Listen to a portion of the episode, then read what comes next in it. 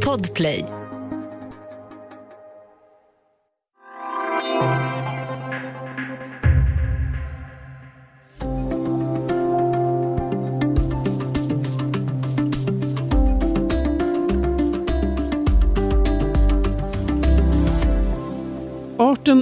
Nordlig vit noshörning är på väg att dö ut. Bara två honor finns kvar på savannen i Kenya och ingen av dem kan få en egen kalv.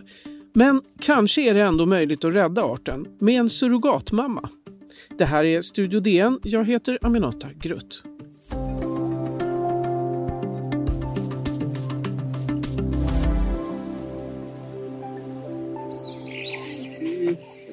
If these animals were to die of natural causes, we could have still have uh, thousands and thousands of these rhinos.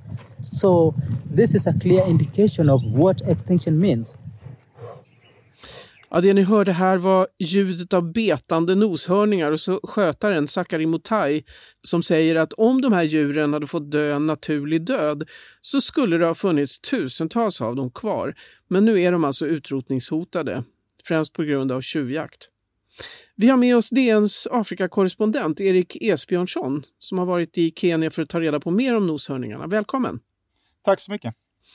Du har ju besökt de här två sista nordliga vita noshörningarna i Kenya. Hur kändes det när du var där? Ja, det är ju spektakulärt. Eh, Olpejeta, det här reservatet som de befinner sig i, ligger ju vid foten av Mount Kenya och eh, gränslar ekvatorn, så att man befinner sig bara några hundra meter från ekvatorn när man är där. Och det är ett otroligt vackert eh, område. De har jättemycket eh, djurliv, men eh, framförallt så är det såklart de här noshörningarna som är de två kändisarna som finns kvar. Eh, och jag har ju varit där en gång tidigare när Sudan, den sista hannen, fanns kvar i livet, men han avlivades för tre år sedan när han var 45 år gammal. Så nu finns det bara de här två honorna kvar. Eh, det är som jag skrev i mitt reportage, att det är liksom ett det är otroligt vackert, eh, men också väldigt vemodigt att betrakta denna arts försvinnande egentligen från jorden. Mm. Ja, det är ju bara en spillra, två djur. Varför finns det bara två stycken kvar? Det är, det är en process som har pågått sedan... Eh, alltså människan, eh, noshörningen har ju funnits i miljoner år och har ju aldrig haft några naturliga fiender. Eh, inte ens människan har ju rått på dem förrän vi beväpnade oss. Och det här är en process som har pågått i, i, i hundratals år. Först eh, dels människor i Afrika som har dödat dem för kött, men även europeer som har ägnat sig åt eh, troféjakt genom åren. Och nu på senaste tiden så har ju den, eh, den växande köpkraften i Kina och andra asiatiska länder har gjort att eh, efterfrågan på just hornet, som man tror, eh, som används i naturmedicin, eh, har ju lett till en kraftig ökning av, eh, av tjuvjakten på sistone. Eh, men det, det, är så många olika faktorer som spelar in, men eh, det står ju bortom allt tvivel att det handlar om att det är människan som har åstadkommit det här. Mm. Och de två honorna som finns där, då, är de födda där eller?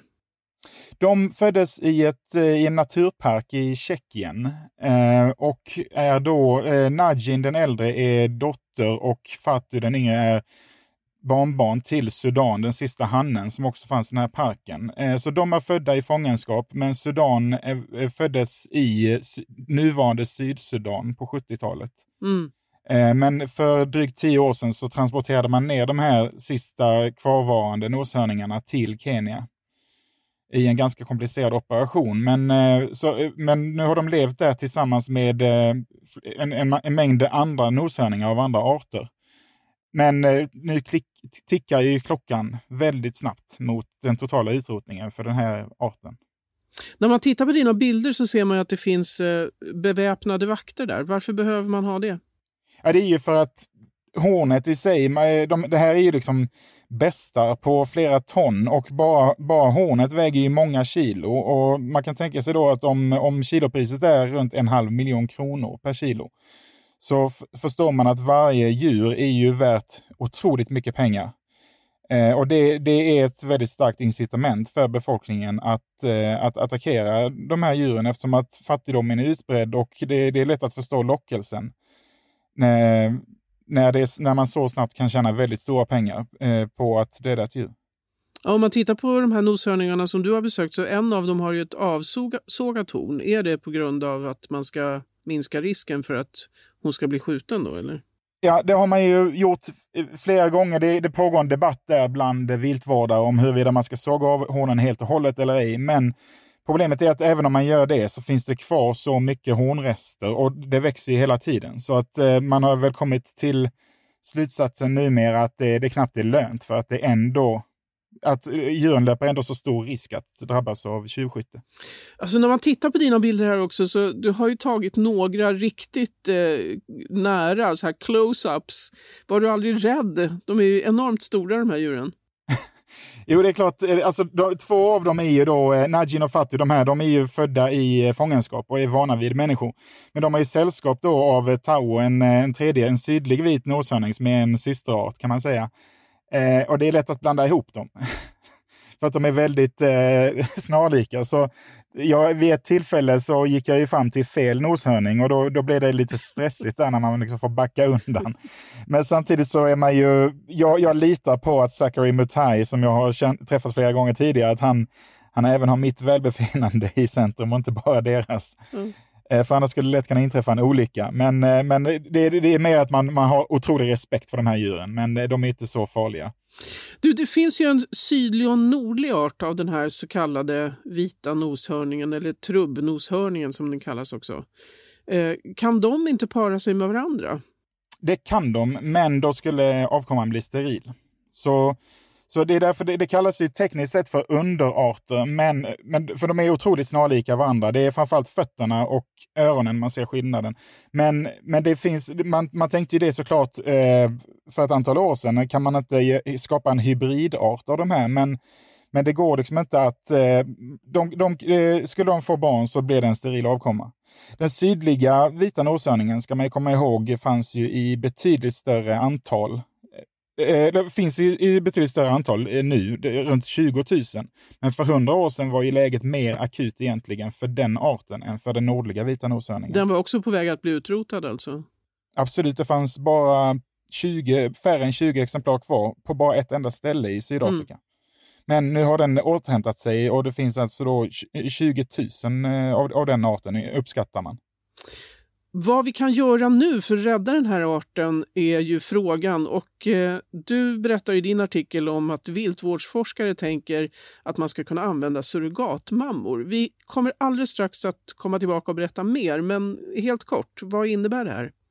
Det innebär att människan som har lyckats utrota den här arten också har kommit så långt i sin utveckling att vi har förmågan att återuppliva samma djur.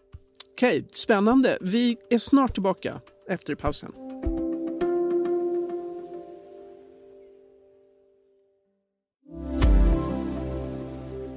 Ja, det handlar om noshörningar i Studio DN idag och vi pratar med Erik Esbjörnsson, DNs Afrikakorrespondent. Det är inte första gången en noshörningsart är utrotningshotad. Eh, också den här sydliga arten av vit noshörning har varit hotad. Hur gjorde man då för att rädda den, Erik? Då fanns alltså bara eh, vi pratar om färre än 20 exemplar som fanns i ett reservat i, ehm, i södra, i syd, sydöstra Sydafrika. Då, då skapade man ett, res, eh, eh, ett reservat som växte och man lyckades avla fram fler exemplar. Och sedan hävdar då försvarare av jakt, av laglig jakt i Sydafrika, menar att när man skapar kommersiella incitament för att för att avla fram de här noshörningarna, så, så, så använder man samma ekonomiska drivkrafter som har lett till artens försvinnande kan man även använda för att bevara arten. Det, det, är, det är en väldigt känslig diskussion. Eh, I Östafrika är man generellt sett mycket mer fientlig mot, eh, mot jakt. Medan i södra Afrika så har man eh, lyft fram just den sydliga noshörningen som ett exempel. Vad som är intressant i det här fallet är att även om det finns 20 000 sydliga vita noshörningar idag, skulle man lyckas med det här projektet som man har startat nu med provrörsbefruktning av den nordliga vita noshörningen, så skulle man kunna få en större genetisk variation hos den nordliga vita noshörningen än vad som är fallet i den här sydliga gruppen med 20 000 djur. För de som finns i Sydafrika kommer alla från samma familj, vilket inte är fallet med de här i norr. Mm. Vad oerhört spännande. Alltså hur, hur går det här till? Att uh, göra en provrörsbefruktning för en noshörning? Ja, det är både ganska enkelt, för det handlar ju om en, eh, en provrörsbefruktning med en surrogatmamma och det här har vi gjort det här, det här är liksom inte kloning eller så, utan det här är ju en teknik som vi har använt eh, på en mängd olika djur och även människor genom eh, eh, under flera år. Så att å ena sidan är det väldigt lätt, å andra sidan är det otroligt komplicerat. I Kenya finns då de sista två honorna, Najin och Fatu, och ägg kan man inte frysa, så de måste man det, det, är därför det är så viktigt att göra detta nu medan de fortfarande är i livet. Men man har redan sparat spermier från Sudan, men det här är då deras pappa respektive morfar, vilket är ett problem genetiskt. Men det finns även en rad andra hannar som man har sparat spermier av sedan tidigare. Man tror även att med, med, fram, med teknik som vi, vi har, men det, det, det kräver ytterligare några år av utveckling, så kan man alltså skapa äggceller av vävnad från andra noshörningar. Så att det handlar fortfarande inte om kloning, men att man, man skapar äggceller eh, och får ytterligare genetisk variation i den gruppen. Men det här är det, just nu i det första steget så handlar det bara om att få fram en kalv för att visa att det här är möjligt. Och man har kommit ganska långt på vägen. Vilka är det som driver den här forskningen? Det kostar mycket pengar eller jag menar, var får man resurserna ifrån? Det, det, är otroligt resurskrävande. Det är bland annat, framförallt eh, är det en tysk forskare som jag pratade med, Thomas Hildebrand, som är en del av ett större konsortium av akademiker över hela världen som tillsammans med Olpegeta driver det här projektet. I början fick man faktiskt pengar från galna rika ryssar som var involverade i det här projektet med mammuten som man försöker klona med på DNA-väg. Så man, man var inblandade där mest för att få pengarna, men så fort man fick ett ordentligt stöd från tyska regeringen så drog man sig ur mammutprojektet, för det menar de är dels etiskt eh, tvivelaktigt, men även det är liksom lite galet och man vill inte förknippas gärna med dem, utan det här handlar om någonting helt annat. Så, men man beräknar ju att det, det kostar, vi, vi pratar om en miljon euro per kalv i snitt, så att det är fruktansvärt mycket pengar eh, så, eh, som det här kostar. Mm. Är det något försök på gång nu, alltså as we speak? As we speak så, så finns det fem embryon man har lyckats eh, skapa. De, och det, det sista av de här embryona frös man in på julafton i fjol. Så jag frågade forskarna, jaha, så om det blir ett gossebarn, då har ni ett namn här. Men eh, men det sa de ju direkt, nej, nej, det är inte vad du tänker, liksom Jesus och så. För att det finns ju aspekter av detta i att människan har blivit liksom mäktigare än Gud egentligen. Liksom. Att, att vi, eh, vi dödar och ger liv på samma sätt. Liksom. Men, men de här embryona i alla fall, de, eh, de förs man in på julafton och nu väntar man i stort sett på att, eh, på att en, hon, en, en sydlig vit hona som finns i Olpegeta ska vara redo att ta emot ett embryo så att man kan genomföra en befruktning. Och det, det kan ske så, sent, så snart som i mars. Hur vet man det då, om hon är redo eller inte? Ja, på en vanlig avelsfarm då tar man blodprov på hästar och kor regelbundet för att se hormonnivå och liknande. Det kan man inte göra här. Så istället har man anställt en tillfälligt steriliserad sydlig vit hanne, eh, Oan heter han. han. Hans enda uppgift är egentligen att strosa runt i reservatet och när han liksom markerar och försöker para sig med en sydlig vit hona, då vet man att aha, hon är dräktig, eh, hon, är, hon löper just nu och därför eh, och är i brunst så att säga. Och då, då är det rätt timing för att plantera in embryot. Men är, även om vi har så mycket teknik så är det bättre att lita, sig, lita på djurens egna instinkter när det gäller det här absolut viktigaste steget. Mm. Alltså kommer det här att lyckas då? Vad tror du? Vad säger forskarna och vad tror du?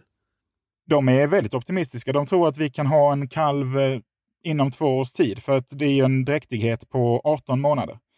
Så det är en väldigt lång graviditetstid, men de hoppas på att man kan producera ett antal kalvar nu under de kommande åren med hjälp av de spermier och ägg som finns från eh, Najinofatu och spermierna som är fryst.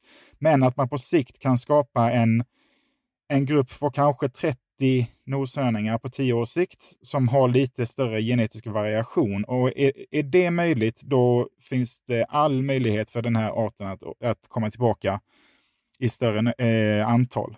Mm. Men man, man, kan ju jämföra det här. Det här är ju lite, biologiskt sett så är det som en läkare som står på akutmottagningen och försöker återuppliva en patient med hjärt-lungräddning. Liksom. Det är så långt det har gått. Det här är ett panikdrag egentligen. Mm. Ja, det är både tragiskt och hoppfullt på samma gång. Det är ju framförallt en lärdom om att om man bara tänker liksom på pengarna som är inblandade så, så kan man fundera på, hade det varit bättre att lägga de här pengarna på det här djuret långt tidigare? Eller ska vi till och med acceptera att de här noshörningarna är på väg bort och istället försöka satsa pengarna någon annanstans? Det, det är också ett, ett dilemma man har att ta ställning till. Mm. Ja, det är väl inte den enda arten som är utrotningshotad på det här sättet heller. Att man, eh, det du säger nu så att säga, kanske någonting som vi kommer bli tvungna att ta ställning till fler gånger. Absolut. Eh, här, I det här fallet kan man också argumentera att det här är en så kallad nyckelart, alltså att den driver ett helt ekosystem runt omkring sig med mindre djur som är beroende av allting från skalbaggar som trivs i spillningen till att noshörningen öppnar avenyer i savannen för mindre antiloper och liknande så att de kan komma undan större rovdjur etc. etc. Liksom. Så att man, man, kan å ena sidan säga att det här handlar om, eh, det här är rent rationellt tänkande kring eh, ekologin på savannen. Men det handlar också om att noshörning är en, ett sånt otroligt tydligt exempel på vad vi gör och det är liksom ett väldigt karismatiskt djur på det sättet. Otroligt vackert och spektakulärt och fungerar som en symbol för vad vi håller på att göra med en rad andra arter i världen. Mm. Tack så jättemycket för att du var med i podden, Erik Esbjörnsson. Tack så mycket. Studio DN görs för Podplay, producent Sabina Marmelakai, exekutiv producent Augustin Erba, ljudtekniker Patrik Miesenberger, teknik Jonas Lindskog, Bauer Media. Jag heter Aminata Grutt.